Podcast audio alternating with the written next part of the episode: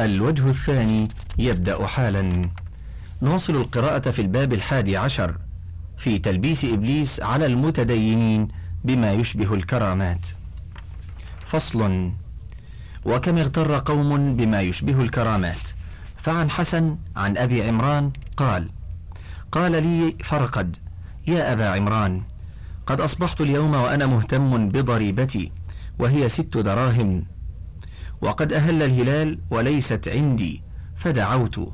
فبينما أنا أمشي على شط الفرات إذا أنا بستة دراهم فأخذتها فوزنتها فإذا هي ستة لا تزيد ولا تنقص. فقال تصدق بها فإنها ليست لك. حاشية. انظر حلية الأولياء لأبي نعيم الأصبهاني في الجزء الثالث الصفحة السادسة والأربعين والسابعة والأربعين وانتهت الحاشية. قلت أبو عمران هو إبراهيم النخعي فقيه أهل الكوفة. فانظروا إلى كلام الفقهاء وبعد الاغترار عنهم وكيف أخبره أنها لقطة. ولم يلتفت إلى ما يشبه الكرامة وإنما لم يأمره بتعريفها لأن مذهب الكوفيين أنه لا يجب التعريف لما دون الدينار. وكأنه إنما أمره بالتصدق بها لئلا يظن أنه قد أكرم بأخذها وإنفاقها. وعن إبراهيم الخراساني أنه قال احتجت يوما إلى الوضوء فإذا أنا بكوز من جوهر وسواك من فضة رأسه ألين من الخز. حاشية الخز من الثياب ما ينسج من صوف وإبراي سم. انتهى. فاستكت بالسواك وتوضأت بالماء وتركتهما وانصرفت. قلت في هذه الحكاية من لا يوثق بروايته. فإن صحت دلت على قلة علم هذا الرجل. إذ لو كان يفهم الفقه علم أن استعمال السواك الفضة لا يجوز. ولكن قل علمه فاستعمله. وإن ظن أنه كرامة والله تعالى لا يكرم بما يمنع من استعماله شرعا. إلا إن أظهر له ذلك على سبيل الامتحان. وذكر محمد بن أبي الفضل الهمداني المؤرخ قال حدثني أبي قال كان السرمقاني المقرئ يقرأ على ابن العلاف وكان يأوي إلى المسجد بدرب الزعفراني. واتفق أن ابن العلاف رآه ذات يوم في وقت مجاعة وقد نزل إلى دجلة وأخذ منه أوراق الخس مما يرمي به أصحابه وجعل يأكله. فشق ذلك عليه وأتى إلى رئيس الرؤساء فأخبره بحاله. فتقدم إلى غلام بالقرب من المسجد الذي يأوي إليه السرمقاني أن يعمل لبابه مفتاحا من غير أن يعلمه. ففعل.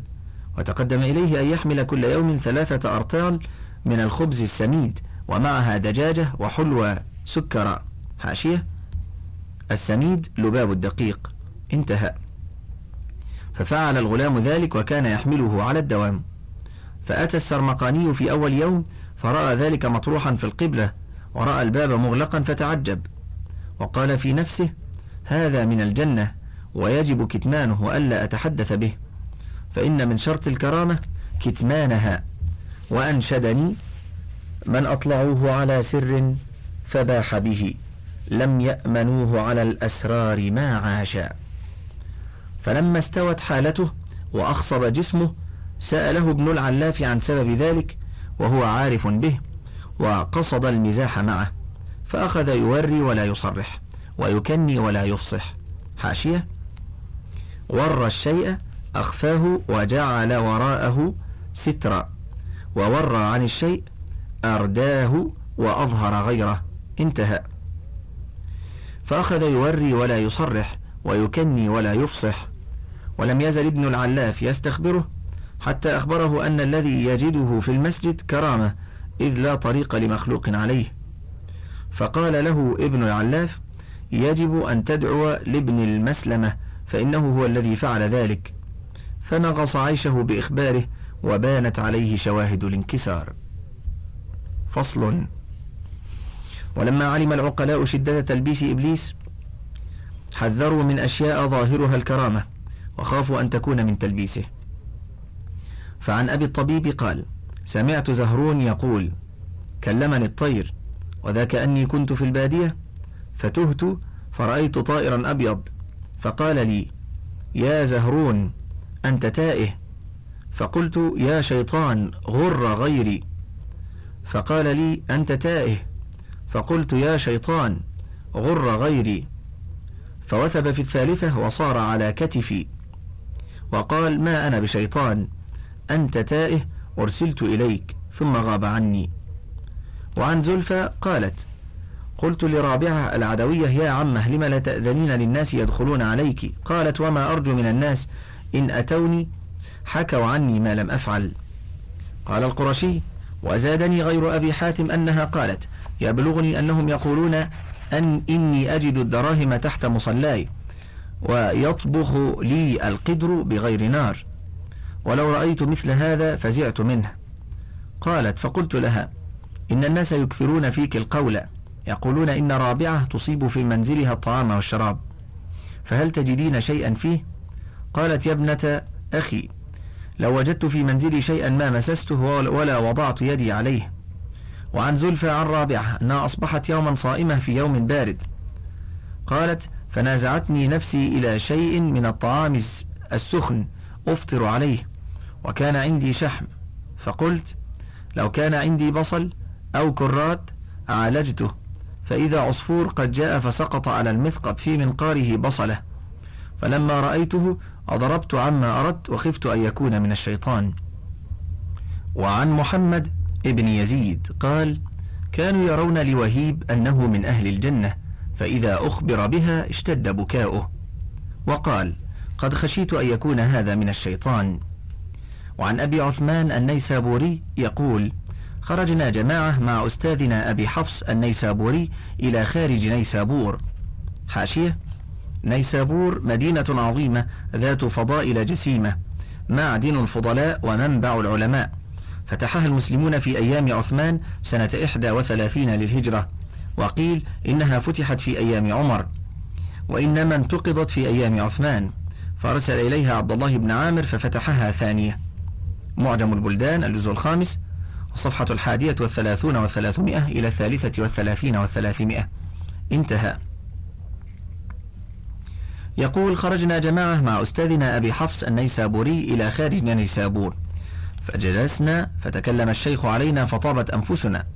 ثم بصرنا فإذا بأيل قد نزل من الجبل. حاشية؟ الإيل والأيل الوعل وهو التيس الجبلي والجمع أياييل وأيائل انتهى.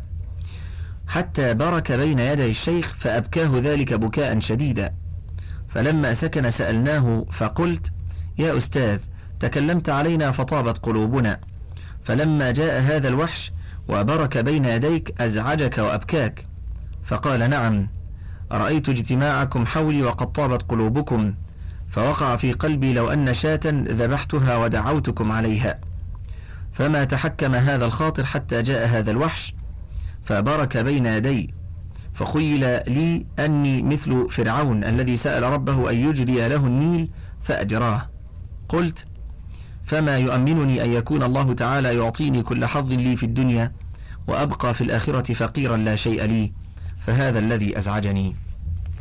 فصل. وقد لبس إبليس على قوم من المتأخرين فوضعوا حكايات في كرامات الأولياء ليشيدوا بزعمهم أمر القوم والحق لا يحتاج إلى تشييد بباطل. فكشف الله تعالى أمرهم بعلماء النقل. قال سهل بن عبد الله قال عمرو بن واصل كذا في الرواية.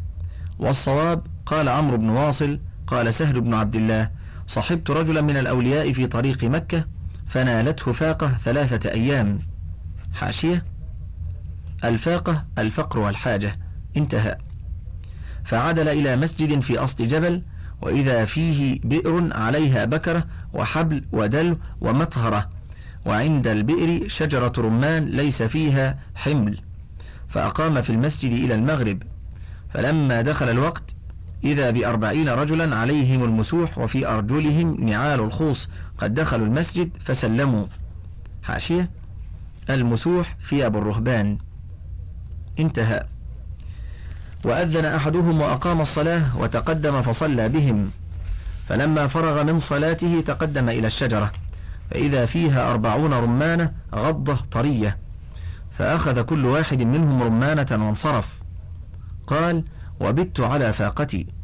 فلما كان في الوقت الذي أخذوا فيه الرمان أقبلوا أجمعين. فلما صلوا وأخذوا الرمان قلت يا قوم أنا أخوكم في الإسلام وبي فاقة شديدة. فلا كلمتموني ولا واسيتموني. فقال رئيسهم إنا لا نكلم محجوبا بما معه.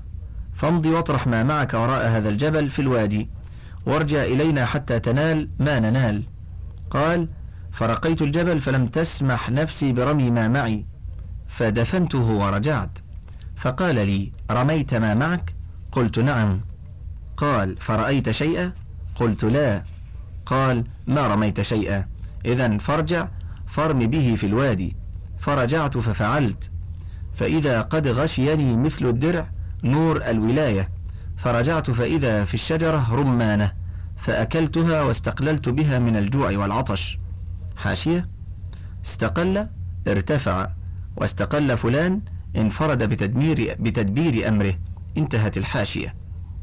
ولم ألبث دون المضي إلى مكة.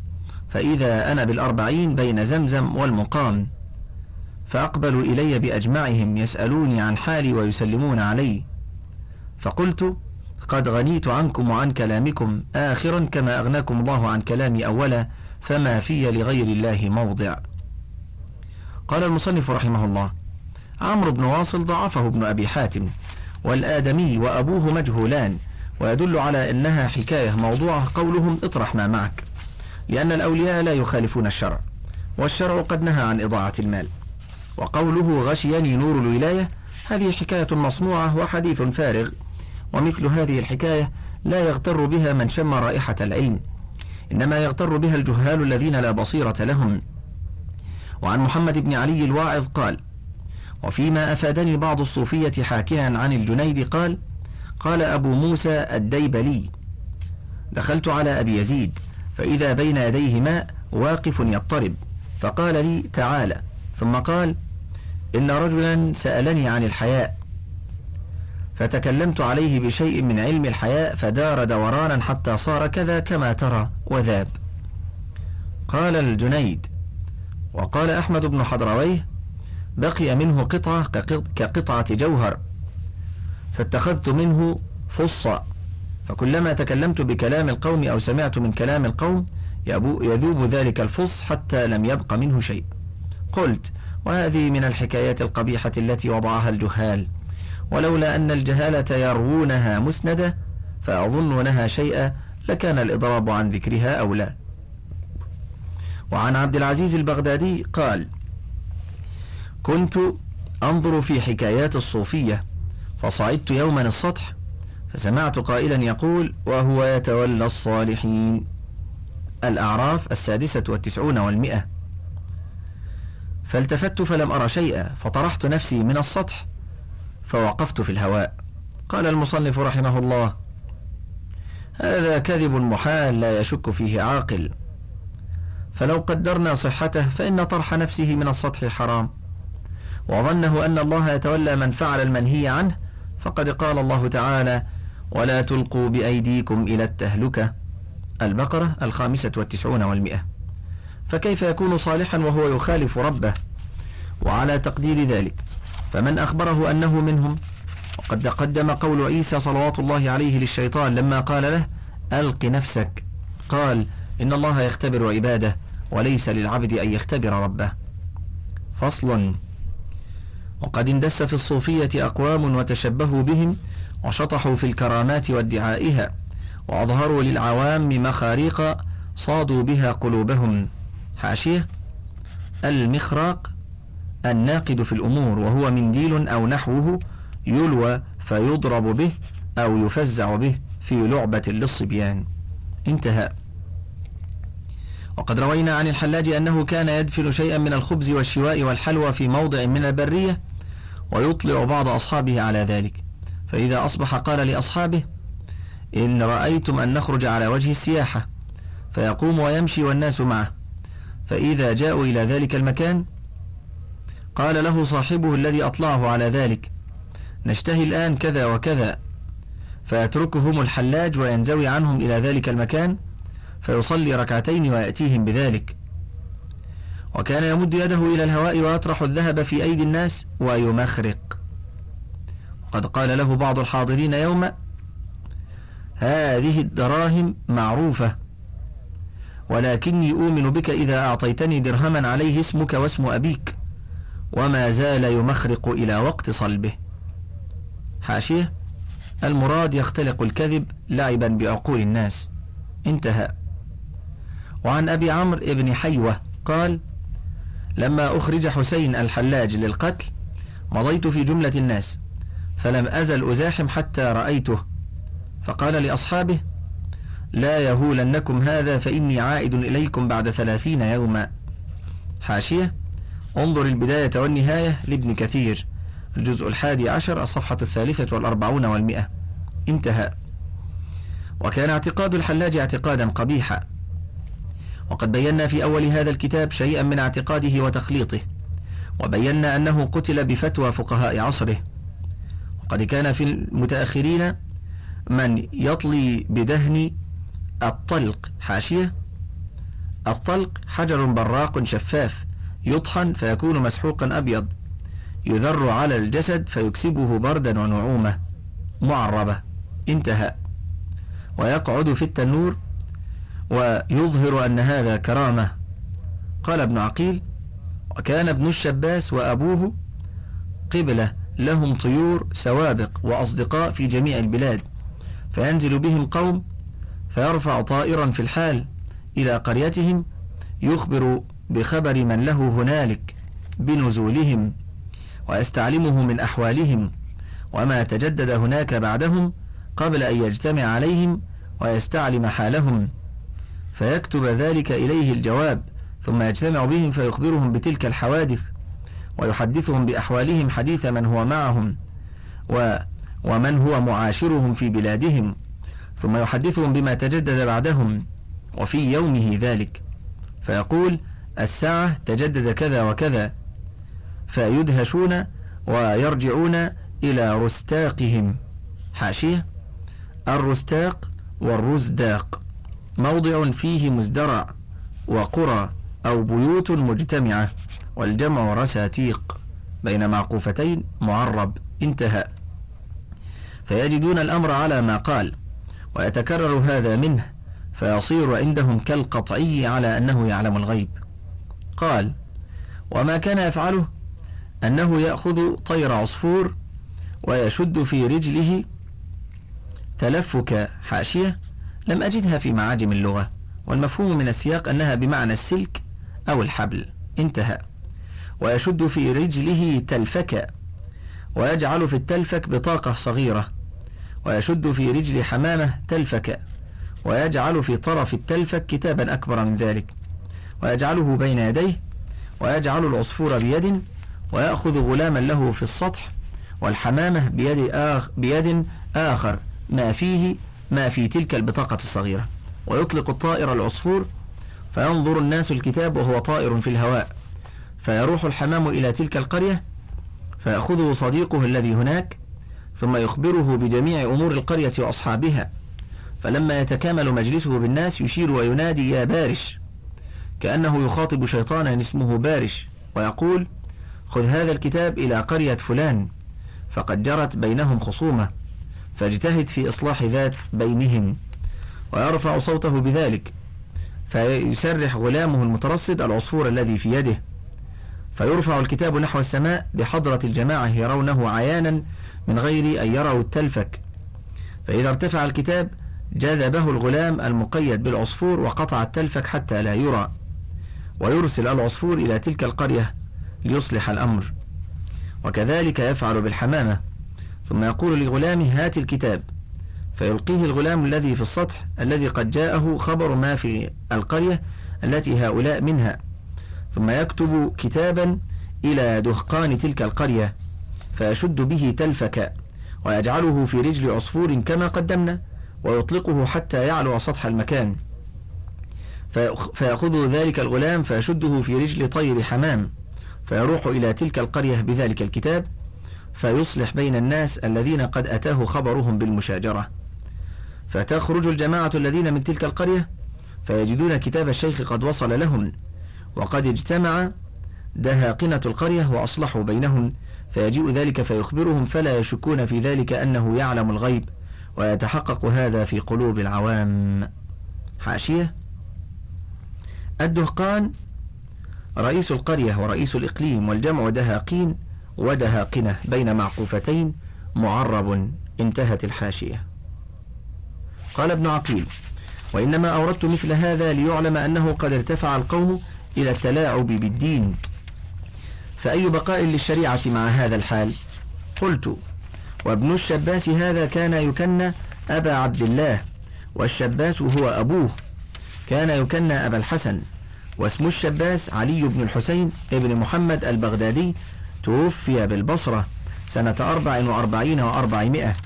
وكان الشباس وأبوه وعمه مستقرين بالبصرة. حاشية. عند ترجمة ابن كثير له قال علي بن الحسين بن محمد أبو الحسن المعروف بالشاشي البغدادي ولم يذكر ابن الشباس. وقد أقام بالبصرة واستحوذ هو وعمه على أهلها وعمل أشياء من الحيل يوهم بها أنه من ذوي الأحوال والمكاشفات وهو في ذلك كاذب. وقد كان مع هذا رافضيا خبيثا قرمطيا. البداية والنهاية الجزء الحادي عشر صفحة الرابعة والستون انتهى. وكانت مذاهبهم تخفى على الناس إلا أن الأغلب أنهم كانوا من الشيعة الإمامية والغلاة الباطنية. وقد ذكرت في التاريخ عن ابن الشباس أن بعض أصحابه أن بعض أصحابه اكتشفت له نار بخيانته وزخارفه وكانت تخفى على الناس إلى أن كشفها بعض أصحابه من الشيعة الإمامية الباطنية للناس فلما كشفها للناس وبينها فكان مما حدث به عنه أنه قال حضرنا يوما عنده فأخرج جديا مشويا فأمرنا بأكله وأن نكسر عظمه ولا نهشمه.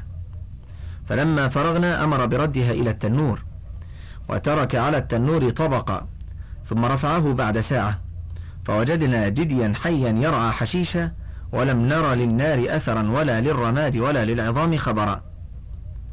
قال فتلطفت حتى عرفت ذلك. وذلك أن التنور يفضي إلى سرداب وبينهما طبق نحاس بلولب فإذا أراد إزالة النار عنه فركه فينزل عليه فيسده وينفتح السرداب. وإذا أراد أن يظهر النار أعاد الطبق إلى فم السرداب فترى للناس. قال المصنف رحمه الله وقد رأينا في زماننا من يشير إلى الملائكة ويقول هؤلاء ضيف مكرمون. يوهم أن الملائكة قد حضرت ويقول لهم تقدموا إلي. وأخذ رجل في زماننا إبريقا جديدا فترك فيه عسلا فتشرب في الخزف طعم العسل. واستصحب الإبريق في سفره فكان إذا غرف به الماء من النهر وسقى أصحابه وجدوا طعم العسل. وما في هؤلاء من يعرف الله ولا يخاف في الله لومة لائم. نعوذ بالله من الخذلان. الباب الثاني عشر في ذكر تلبيس إبليس على العوام. قد بينا أن إبليس إنما يقوى تلبيس تلبيسه على قدر قوة الجهل وقد افتن فيما فتن به العوام وحصر ما فتنهم ولبس عليهم فيه.